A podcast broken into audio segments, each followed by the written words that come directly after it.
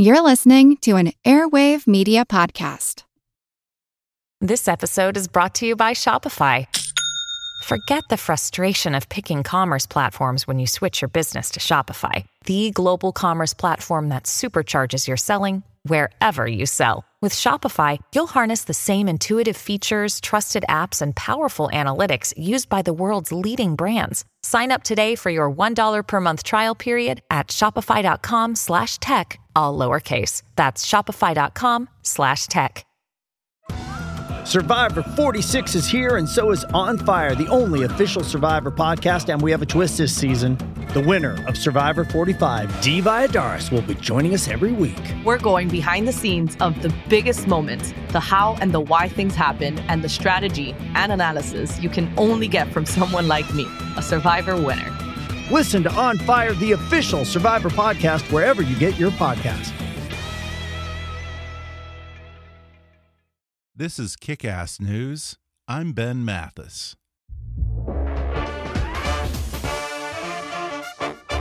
I want to tell you about a great new podcast called Outside the Box.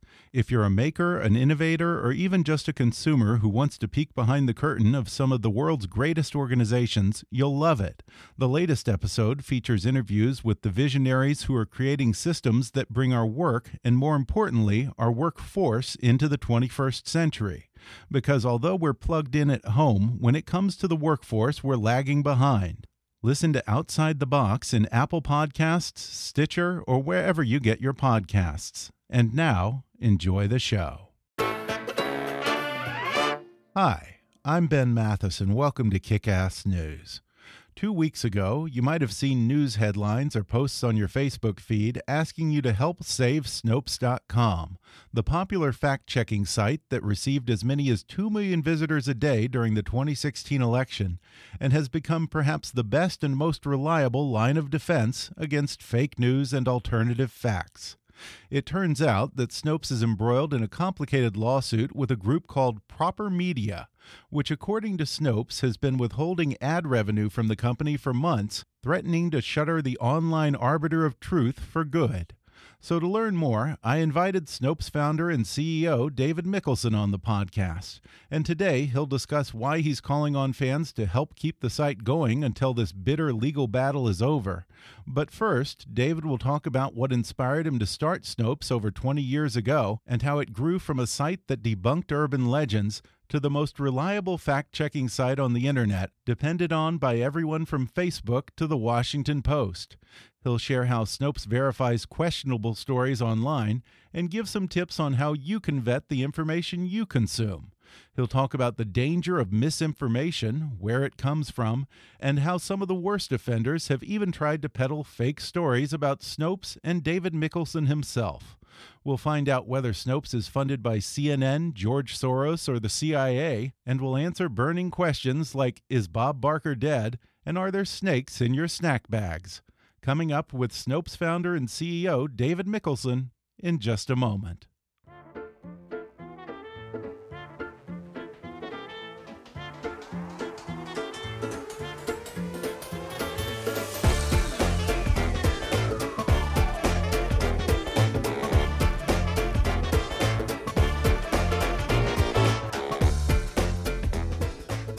Today I'm sitting down with David Mikkelson, the founder and CEO of the extremely popular fact checking site Snopes, which only became more popular and more relevant as the 2016 presidential election spiraled into a nonstop disinformation campaign. David Mikkelson, thanks for joining me. Sure. Thank you for having me on.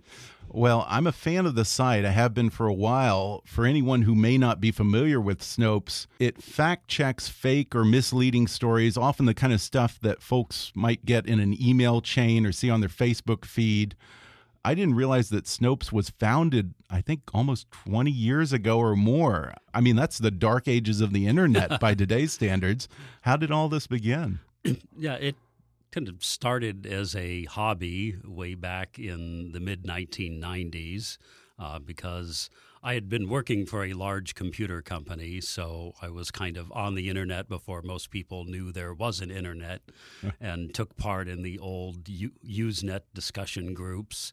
And you know, urban legends was one of the interests I followed there, and kind of when the first graphical browser came out, I set up a little corner of the web where I started writing about at the beginning mostly Disney related legends. And, really? um, like what?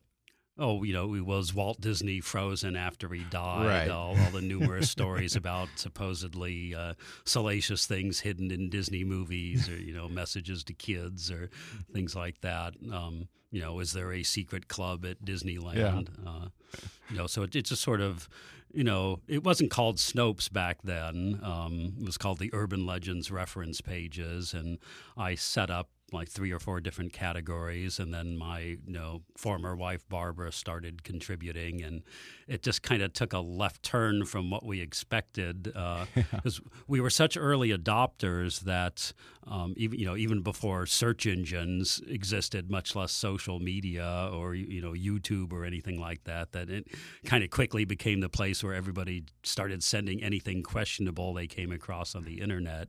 Now, beyond just the urban legends, uh, what are other kinds of things that are in your wheelhouse these days?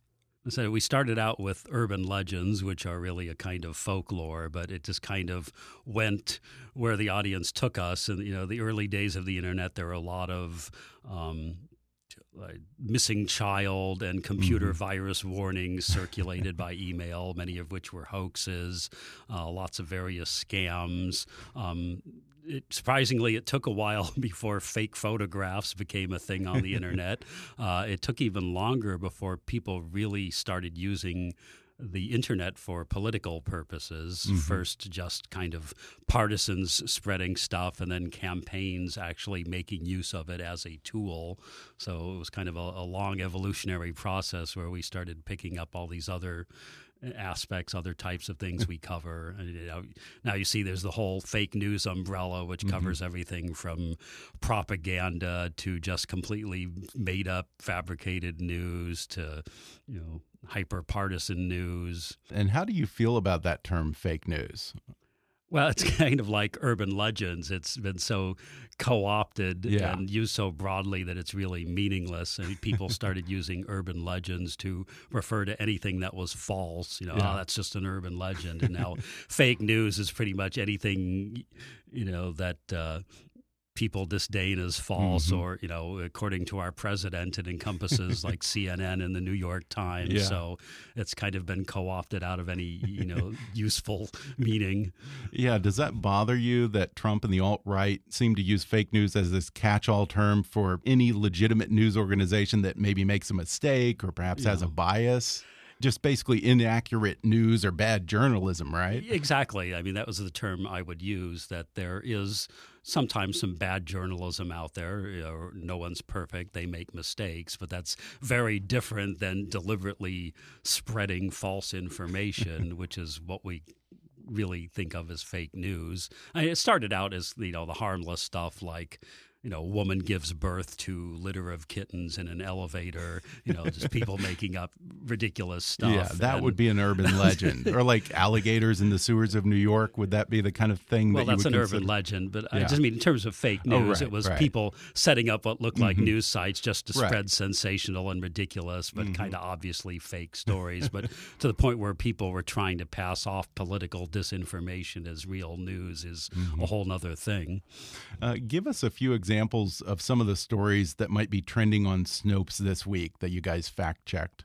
Well, a big one was is Bob Barker dead? Right. That one's actually been trending for several days. Um, you know, celebrity death hoaxes are a common Yeah. thing. It's a it's a cheap way of getting clicks. You know, spreading a rumor that someone, you know, some famous person has Yeah. died when they really haven't. Um, it, Bob Barker actually did have like a uh, medical incident, we can call it, but he Okay. didn't die. But it's been misleading reported, misleadingly reported that he died. So that's been spreading. Of course, now with the uh, the recent um, interest in the idea that Fox News was complicit in spreading this fake story that Seth Rich was involved in leaking material to Right. WikiLeaks about you know the about Hillary Clinton and the DNC and the lawsuit over that. There's been a, a lot of related activity. But that's something that got legitimized by people like Sean Hannity, Yes, which in theory is mainstream media. I yes, guess. or even Seymour Hersh, who's Yeah. apparently telling conflicting stories about it. But yes, yeah. Isn't there also one about uh, Anthony Scaramucci having uh, sent naked photos of his ex-wife or something? Yeah, um, of course, there were a whole lot of rumors about him that quickly, you know, lived and died in Yeah. in, in, in concurrence with his short time span in the White House. But of course, there was a, you know some real news out there. People started uh, reading articles about his wife filing for divorce in the ninth month of pregnancy, which Mm. kind of lent itself to kind of like North Korea. There's nothing too crazy Yeah. to believe about this Yeah. subject. So, you know, you could see people would, would pick up on, oh, he posted naked pictures of his wife on the internet as revenge for divorcing him. And that was, yeah, that was a huge, huge story. That's not totally unbelievable, though. Well, well, I don't know about him personally, but in the context of other stuff that is true about him, yes. Um, so Eh. it's one of those stories. There's a lot of sort of like Nova-like stories where they f- burn brightly for a couple days and then disappear, and there's other stories that just really never go away. Uh, ones that we cover and they, they disappear for years and then inexplicably come back. Uh, you know, it's a really interesting phenomenon to track those, you know, the history of rumors. Yeah, and I should point out that sometimes you research something and it turns out to be true. An, an example of that would be, I guess, this week there's a story on there about a man who was arrested by customs agents at LAX for smuggling king cobras in snack containers. Correct. Although I have to say, when we started looking into it, it was- wasn't clear that that actually happened at LAX. Oh, okay. Rather than possibly some regional airport, but Okay. it appeared the the basic underlying story was true. But Wow. again, perhaps not so unusual in the context of it's really not uncommon to find people trying to smuggle animals Yeah. you're not allowed to have in all sorts of inventive ways. My only question is were the snakes smuggled in cans of peanut brittle? yeah, exactly right. Did they have springs in them? Yes. Well, you know, I think that you do a real service to people by making this information succinct and easily searchable on Snopes because it seems to me that a lot of the problem is that it may take a person like me maybe five minutes tops to read a misleading article on Facebook. But then the process of researching it and verifying that information is so time consuming. I could easily spend an hour or more on Google and still come up empty handed.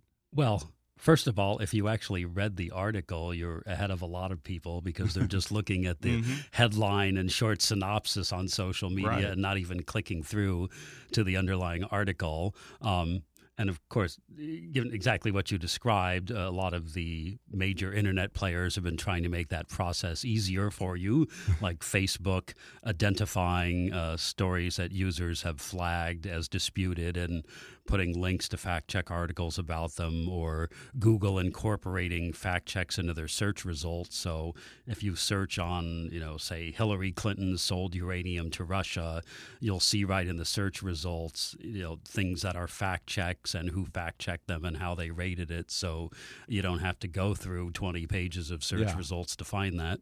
Now, Facebook enlisted Snopes and a few other fact checking sites, I believe, to verify Facebook posts. Uh, tell us a little bit more about how that arrangement works.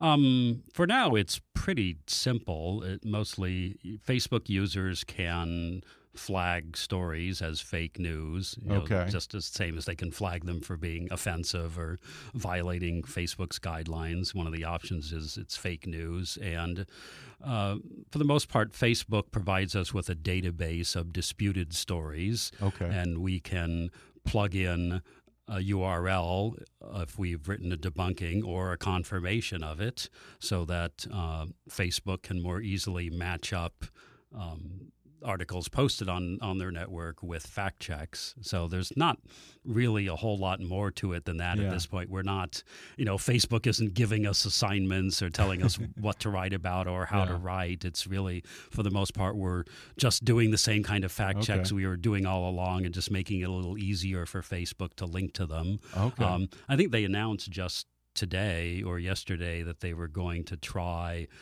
you know, approach with showing related articles for perhaps questionable articles, as in trying to avoid like censoring articles or preventing Right. people from seeing them, just trying to take the approach of linking them to supplementary material, Mhm. which includes fact checks. So Okay. Because there are people who are accusing Facebook of using sites like yours to censor free speech. You don't see it that way, right? Well, I don't ever see how providing people with more information is censoring free speech. Right. I mean, in, in the, our partnership with Facebook does not uh, in any way involve, despite despite claims to the contrary when it started, are getting to decide who gets to publish on Facebook or which articles users get to see or anything like that. You know, the our most involvement is Facebook may add below a posting of an article that this article has been disputed. Okay. Here's where you can go to read more about it. So Okay. it kind of follows the maximum that the best cure for bad speech is more speech, not Yeah.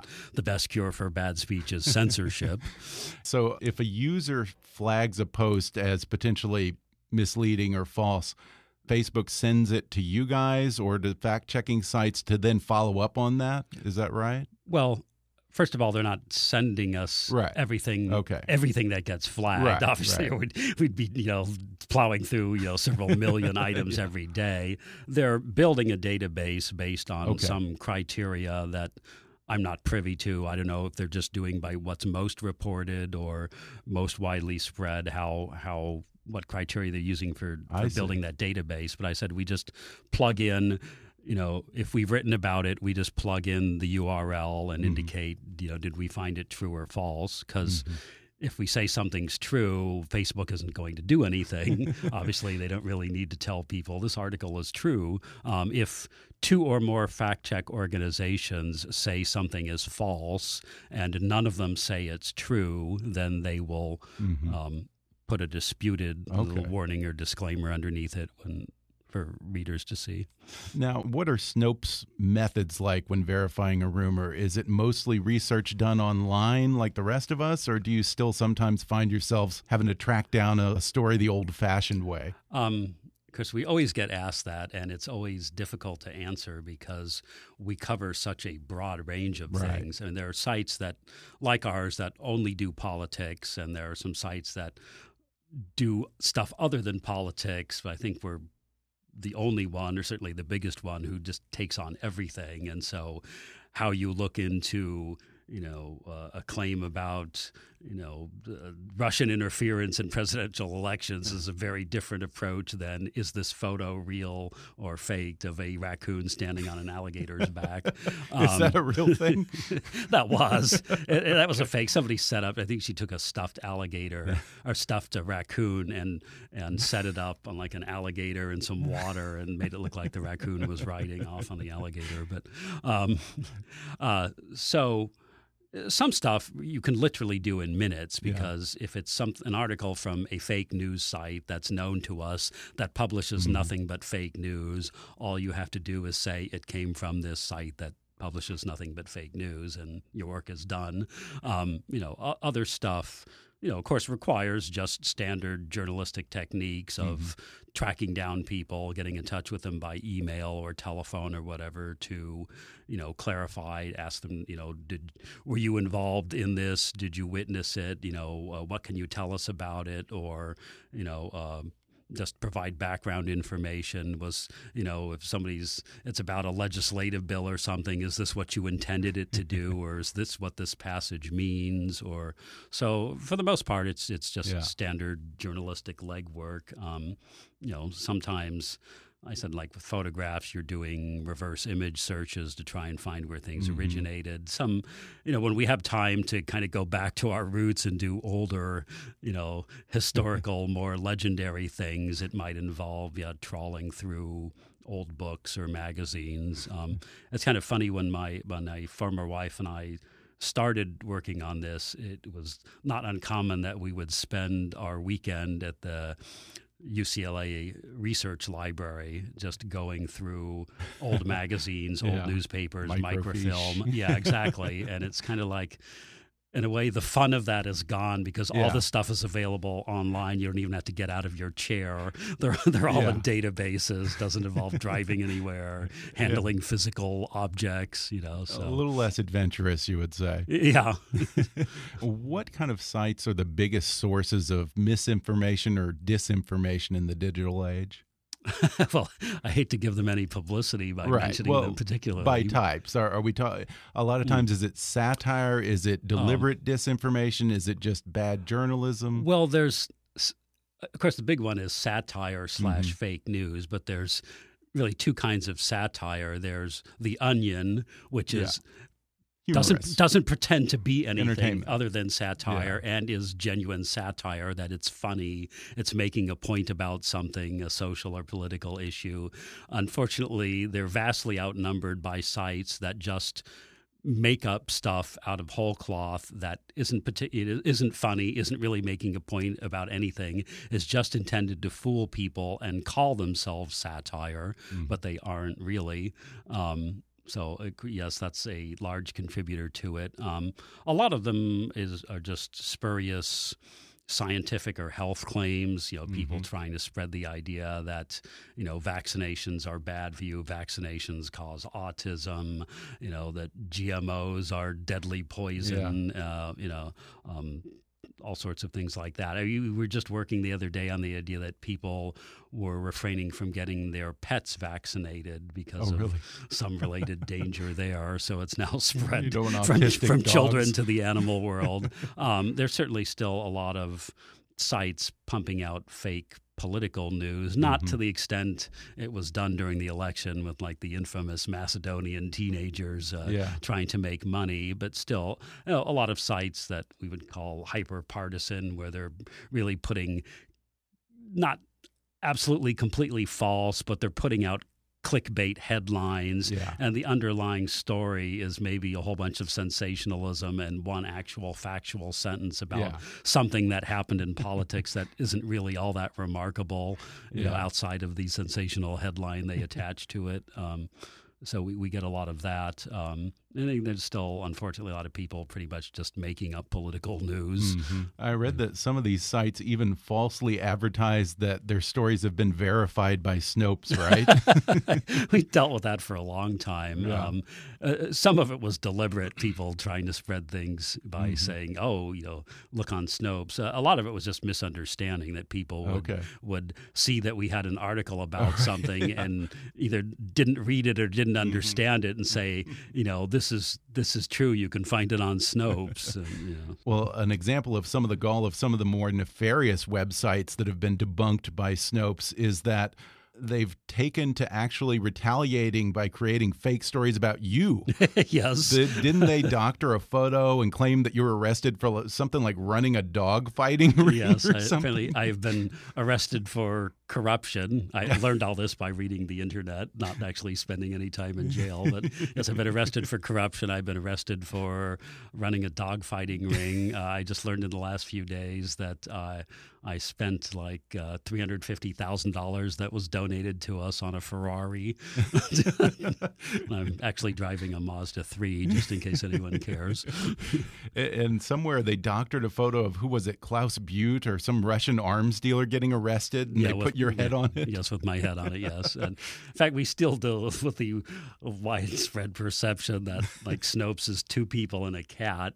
Um, it's kind of funny when you put it in the context of the long-running claims that were also funded by George Soros, and you'd think a that one's gotten multinational billionaire magnate could really afford more than two people and a cat to be running his fake news empire. But uh, unfortunately, the cat passed away uh, last month. So.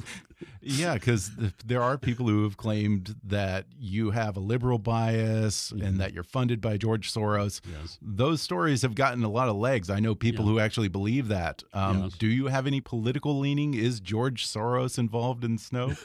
no.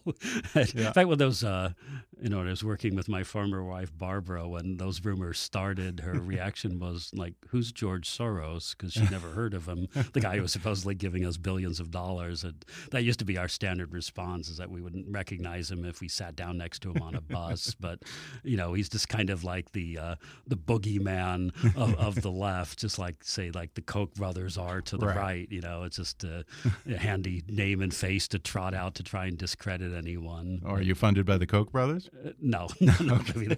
we have heard from their reps from time to time. Oh, when really? We, when we've run stories that you know there were you know some things like uh, back during uh, the the Trayvon Martin. Um, news cycle, uh, you know, when that was a big story that, you know, the Koch brothers were funding uh, George Zimmerman's defense and things like that. So, you know, there's nothing wrong with them trying to get in touch with us to try mm. and, you know, provide information to help us debunk something. You know.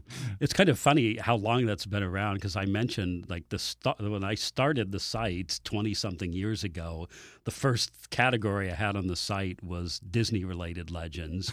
And people at the time were claiming that we were a front for Disney, that we were being, or we were being paid by Disney. Um, so pretty much, yeah, you can't be in this business at all with people without people thinking that someone's paying you to do what you do. Yeah. We're going to take a quick break, and then I'll be back with more with Snopes founder David Mikkelson when we come back in just a moment.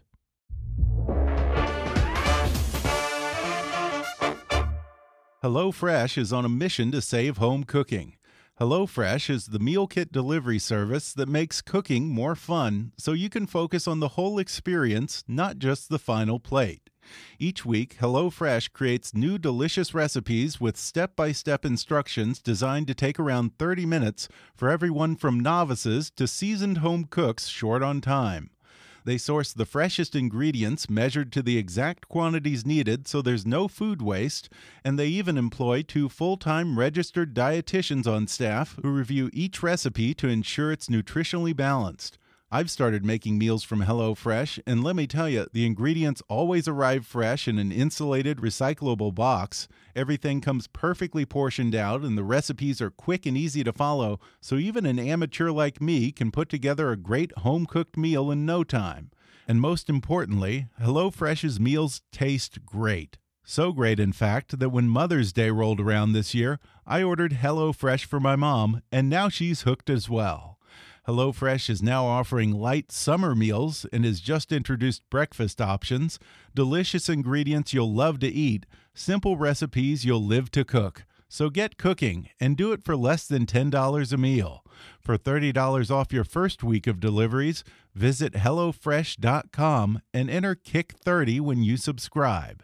Again, that's HelloFresh.com and enter KICK30. Hey guys, do you hate shopping for clothes?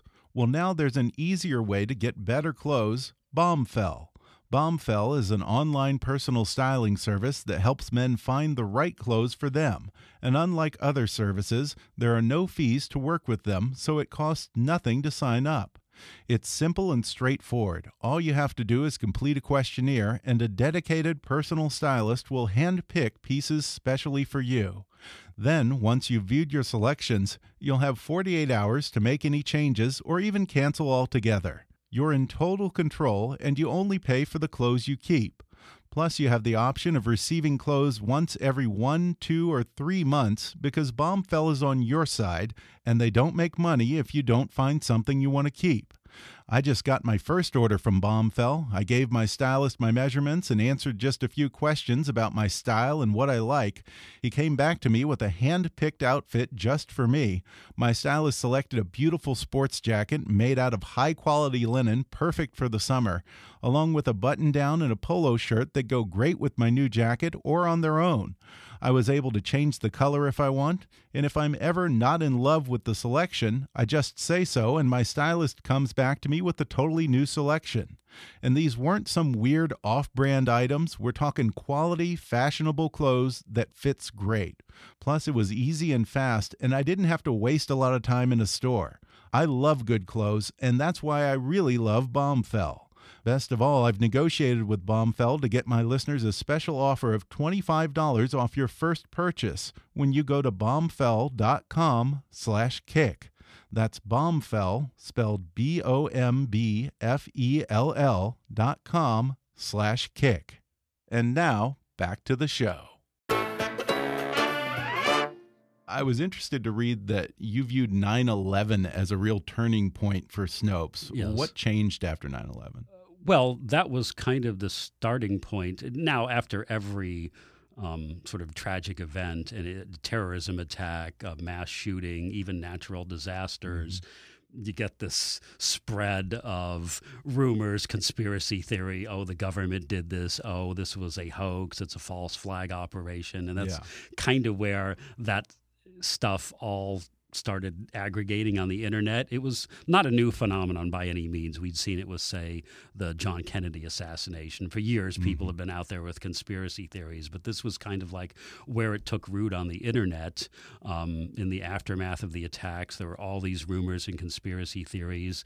The mainstream media, for the most part, were not writing about the internet or things that happened on the internet back then. Know, they just tended to mirror their print versions on the internet. So we were kind of like the only people out there at the time who were actually tracking and looking into all these rumors. Uh, I said, it, you know, I often like to say it's kind of how shows how things have changed. Where it used to be, if somebody had like a f- funny or unusual photo or video, it circulated by email because this was even before photo sharing sites and YouTube. And so it took like weeks for something to build up to the point of going viral. And, and you know, we had plenty of time to look into it and research it and write about it. Now it's somebody posts something controversial, unusual on Facebook, and 20 minutes later it's a headline in the New York Post or the New York Daily News or something. So, um, you know, that that was kind of the start of that process 9-11 we've seen the same Yeah. thing happen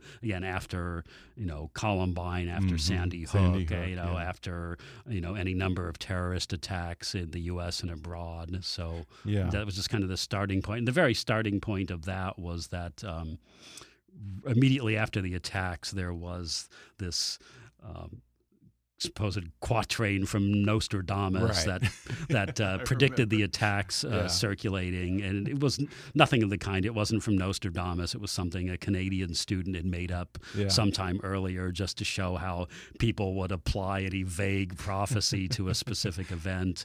And Yeah. uh, my, you know, my wife at the time, Barbara, picked up up on that pretty quickly, and we had it up, I think, by the end of the day, and that just drew huge audience. You know, our traffic was maxing out, and that was kind of the start of, you know, tracking all these rumors. You know, Yeah. of Terry Bradshaw beating up a, a bunch of celebrating Arabs in a in a donut shop, and you know the you know it, it- surprisingly it, it took a while. In the immediate aftermath, there was like a whole lot of sort of calls to action, like people um, advocating boycotting all kinds of different companies that were supposedly, you know, owned in part by Osama bin Laden.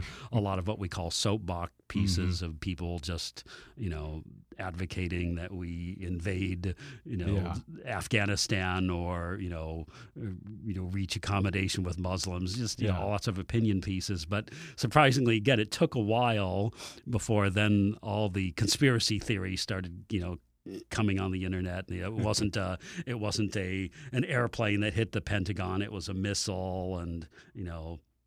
World Trade Center seven fell in a controlled demolition. Yeah. all all of that.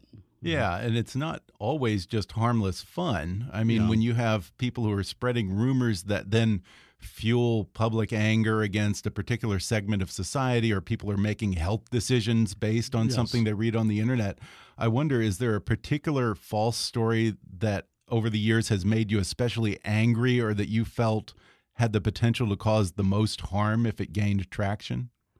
Um, Well, one example, a real life example, fortunately, it was relatively small scale, but a couple of years ago when like Ebola was a big thing in the news, um, uh, one of the fake news sites put out this story about, and I think it was framed as several children had been sent home from a school in Texas because mm. of an Ebola outbreak.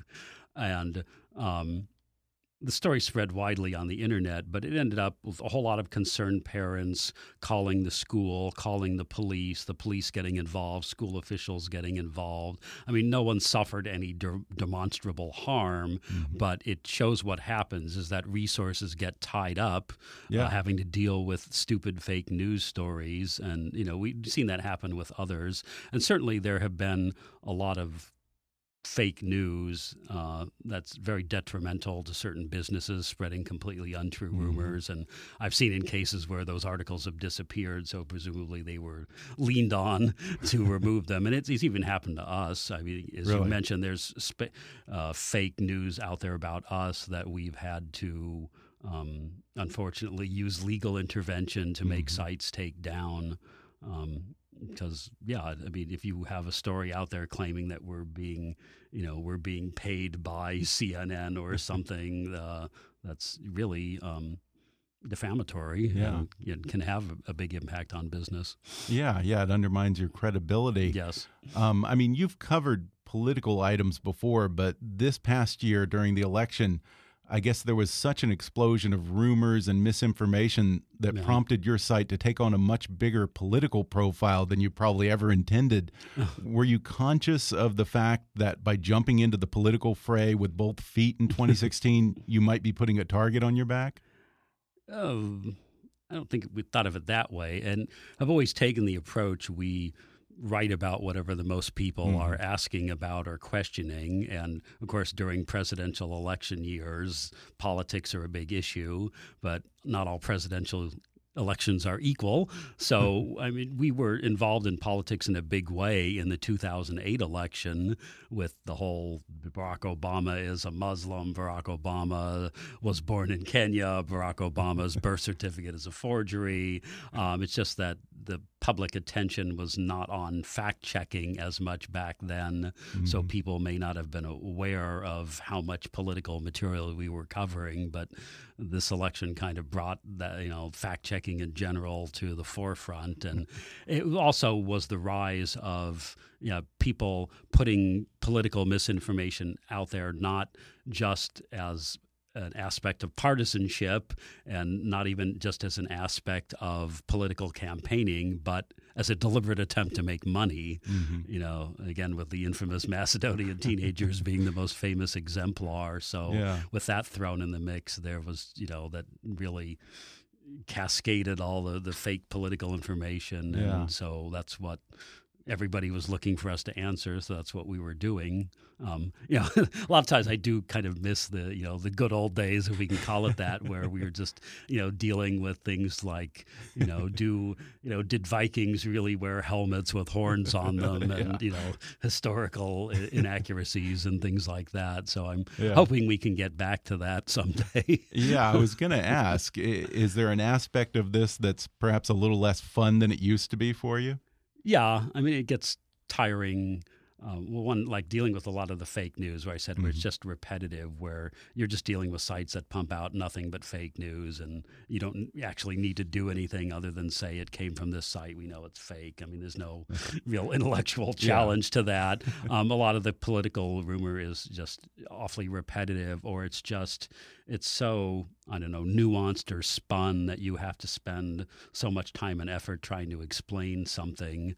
Um, you know, so yeah, I, I kind of miss, you know, I said, you know, being able to legends. deal with, you know, you know, does this song really mean what people are claiming yeah. it means, and you know, um, if you, you play know, it backwards, yeah, you know, things like that. You know, is it really true if you're, you know, you're you're in college and your roommate commits suicide, you get straight A's for the semester automatically?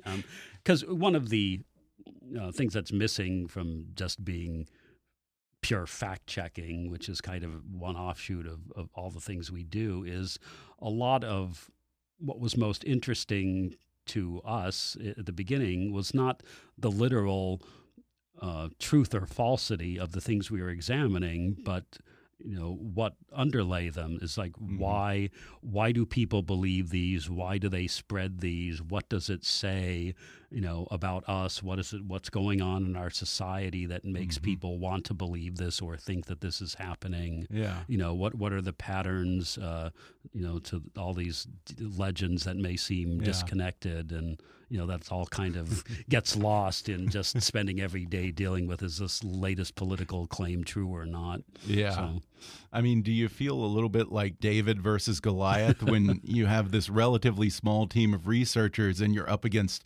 thousands of, say, Russian internet trolls and sites like InfoWars that peddle yes. questionable stories, to say nothing of people's own confirmation bias? Yes, and or like when you look at the uh, Facebook database we mentioned and see like, oh, there's 2,000 entries in here, and uh, we have you know a staff of 16 people. I don't think we'll be getting to all these today. So, yeah, it's always been you know sort of a uh, triage of what we can write about, you know, based on.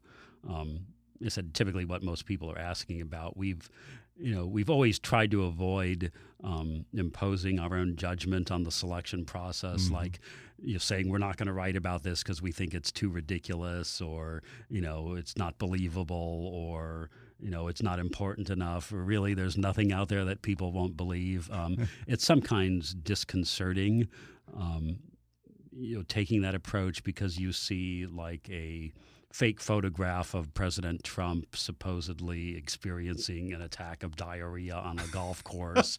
You're getting thousands of inquiries and millions of views, but a story like, oh, say a gas attack in Syria. Did this really happen? Mm-hmm. Was it actually launched by the government? Was it launched by someone else? Something that is of actual real import to the world? Mm-hmm. Uh, you know, not so much interest in that. Yeah. You know.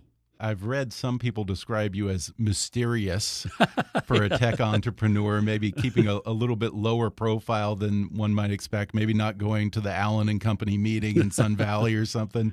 Do you take particular pains to avoid the spotlight or do you consider yourself I wouldn't mysterious? Say take pains to avoid it. It just was more a case of not seeking it. Um, mm -hmm you know, I mean, going back to the early days, I mean, of course, we did interviews when people asked for them, but um, after a while, kind of stopped doing them because they just got kind of boring and repetitive with people asking the same questions. But it was really nobody was really seeking us out until you know the last few years. Mm-hmm. Um, you know, so no, we never did any kind of marketing or publicity. That was just the nature of the business. We just do what we do. We're not marketing it. We're not advertising it. Um, it's kind of funny. My my current wife. Um, one of the things that she noted when we first met was that you know you've just been sitting in a room by yourself writing for 20 years and the only reaction you really see is all the hate mail that you get yeah. through the site yeah that's probably uh, true. you have no idea of the impact you're having on the mm-hmm. world and how much people actually love you so she started the um, you know getting shirts and hats yeah. you know with our branding made up and magnetic signs for the car and making sure mm-hmm. that everywhere we we went that one or both of us was branded and so was the car and show me yes the the everywhere we went, you know, people would see the shirts and say like, "Do you work for Snopes?" You know, and when my wife would introduce me as as the founder, and they say, "Really?" and want to pose for pictures and you know really? put them up on so Facebook. and a lot of fans. People who that's awesome people whom I was impressed by, whom I was a fan of, would like leave notes on our yeah. car saying like they were our fans. Um, it, actually, it was really kind of funny. Just as example, um, several weeks ago we were out at uh, Hershey Park back in Pennsylvania, Pennsylvania standing in line for a ride, and we we both had Snopes jackets on, and there was a young fellow like a high school age and his girlfriend in line behind us and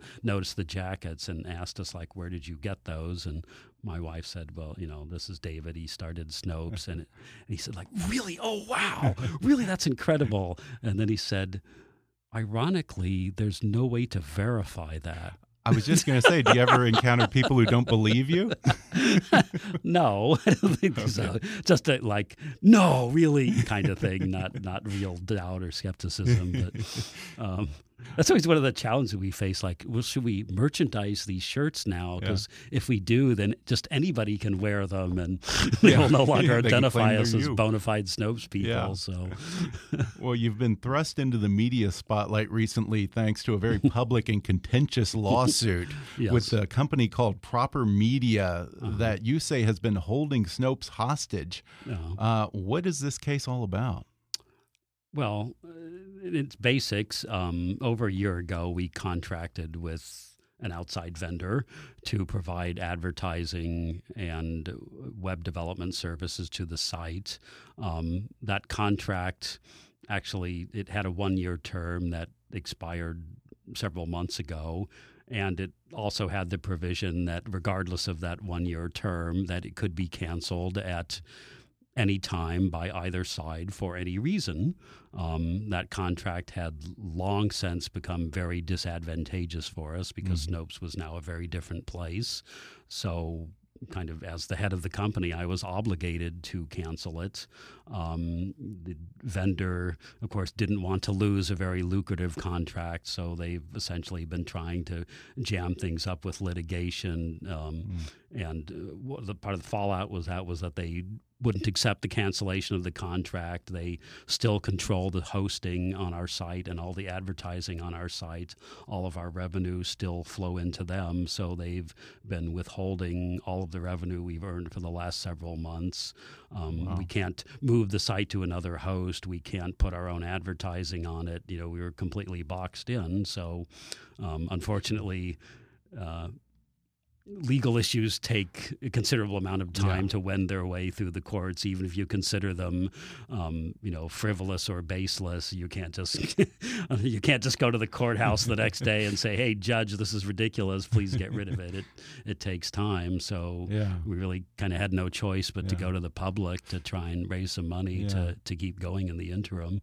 Yeah, and you've started a fundraising campaign to save Snopes, which has raised, I think, as of today, six hundred eighty-five thousand thousand dollars to my listeners. If you value the truth and you want to fight back against alternative facts, you should definitely consider contributing to this very worthwhile cause. Um, where can people go to donate? It's on GoFundMe. Correct. Right? Uh, there's links on our site, or okay. you can go to GoFundMe and look for it. And I would. Uh, also, like to say, despite what people may have been reading in tabloids or uh-huh. elsewhere, that no no one has embezzled any money from the company. none of it has been misappropriated.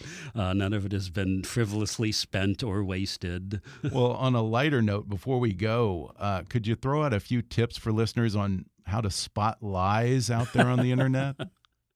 well, I think the most important thing is people need to actually read stuff. Yeah. As I mentioned, a lot of people just reacting to something posted on social media mm-hmm. where they're not even reading the underlying article. So, um, the important part is yes, clicking through and actually reading what's there. Oftentimes, w- what's linked doesn't even match what the, the headline you saw on social media is at all.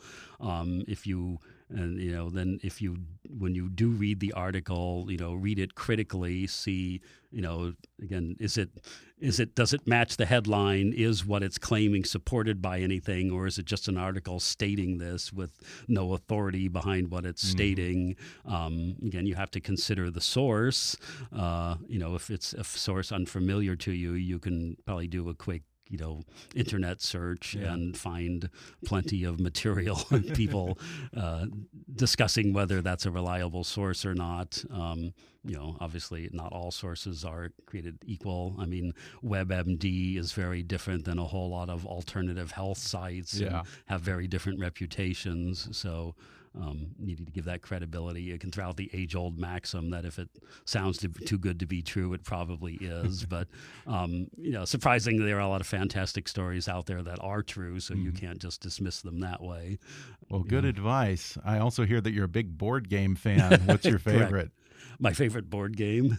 Uh, well, I say we have we have spent un- countless hours and days uh, in my local board game group playing uh, the uh, board game version of Battlestar Galactica, so that okay. ranks up there highly. okay, I'm a risk man myself. Oh, yeah, and and I can end a risk game within two hours. Believe it or not, I don't think I've ever played. I'm good. I can play risk, and I can. I don't think I've had a game that lasted more than three hours. Believe it or not, I swear to God. Well, depending on who you believe, folks, either Winston Churchill or Mark Twain once said, a lie gets halfway around the world before the truth even has a chance to get its pants on. Thankfully, there's a site like Snopes fighting to even those odds. So, listeners, if you see a fishy story on your Facebook feed or something that doesn't quite sound right, go to Snopes.com and they'll tell you whether it's believable or bullshit. And consider supporting Snopes at gofundme.com slash save Snopes. David, you do good work, and we need you now more than ever. So I wish you the best of luck in your fight. Thanks for coming on the podcast. Well, thank you for having me.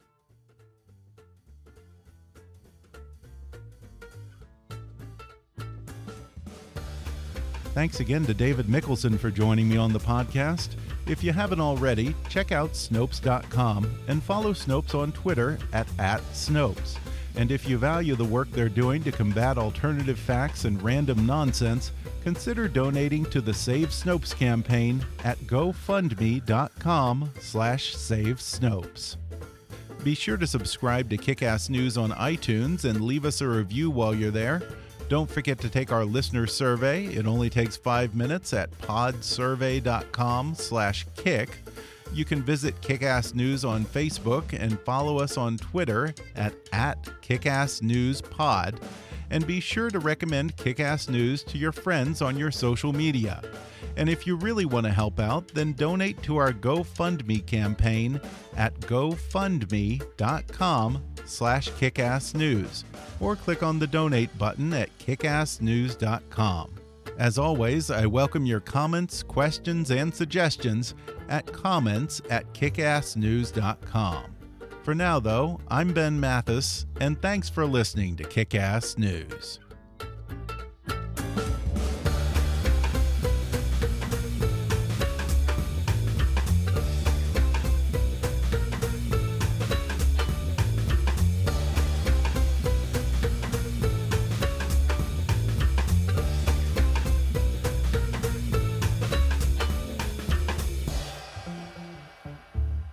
Kick News is a trademark of Mathis Entertainment, Inc.